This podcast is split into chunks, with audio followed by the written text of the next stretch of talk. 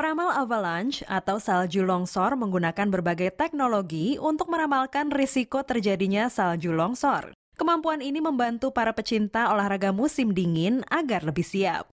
Laporan berikut telah disiapkan oleh Shelly Schlender dari Boulder, Colorado. Pemandangan alam berlapiskan salju bisa indah, tetapi juga bisa mematikan.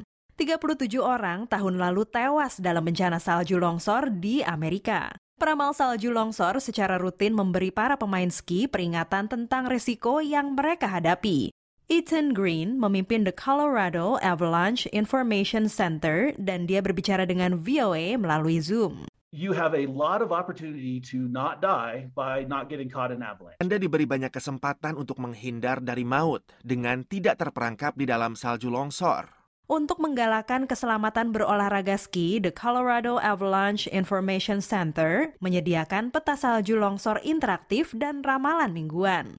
Brian Lazar, misalnya, seorang peramal salju longsor, merekam dan menyiarkan peringatan sebagai berikut. Slopes that have been safe to ride for the last few weeks may no longer be safe. Lereng-lereng yang aman untuk ski selama beberapa minggu terakhir kini sudah tidak aman lagi.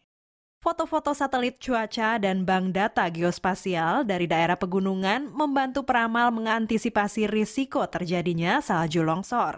Peramal juga membuat lubang-lubang di salju dengan tangan. Peramal salju longsor Ben Pritchett misalnya memperlihatkan contoh dari salju yang lemah dan berbahaya lewat sebuah video yang diproduksi oleh Colorado Avalanche Information Center. You can see the very large weak depth hoar at the bottom of the snowpack. Anda lihat embun beku sangat besar di bawah lapisan salju ini. Cara lebih cepat untuk memperoleh data ini berasal dari alat yang disebut LIDAR yang berbasiskan sinar laser.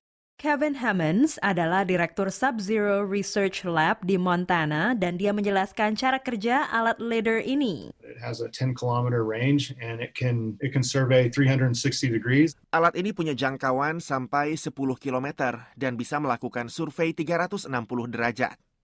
Hammonds juga meneliti dengan alat yang disebut Smart Probe atau alat penyelidik pintar.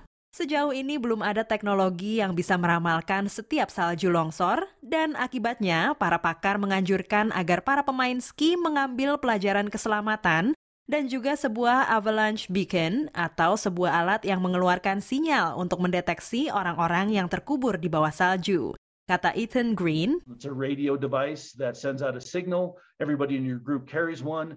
Uh, if somebody gets caught in an avalanche, Ini sebuah alat radio yang mengirim sinyal. Setiap orang di dalam kelompok Anda harus membawanya.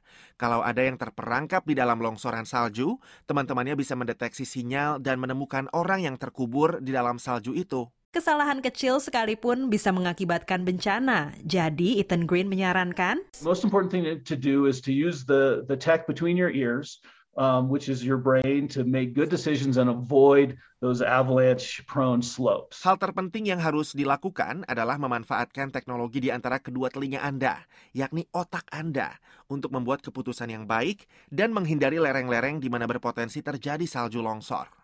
Dan juga dengan bantuan teknologi, pecinta olahraga musim dingin punya peluang lebih besar untuk selamat ketika bermain ski di lereng-lereng bersalju ini. Untuk Jimmy Manan, saya Dania Iman, VOA.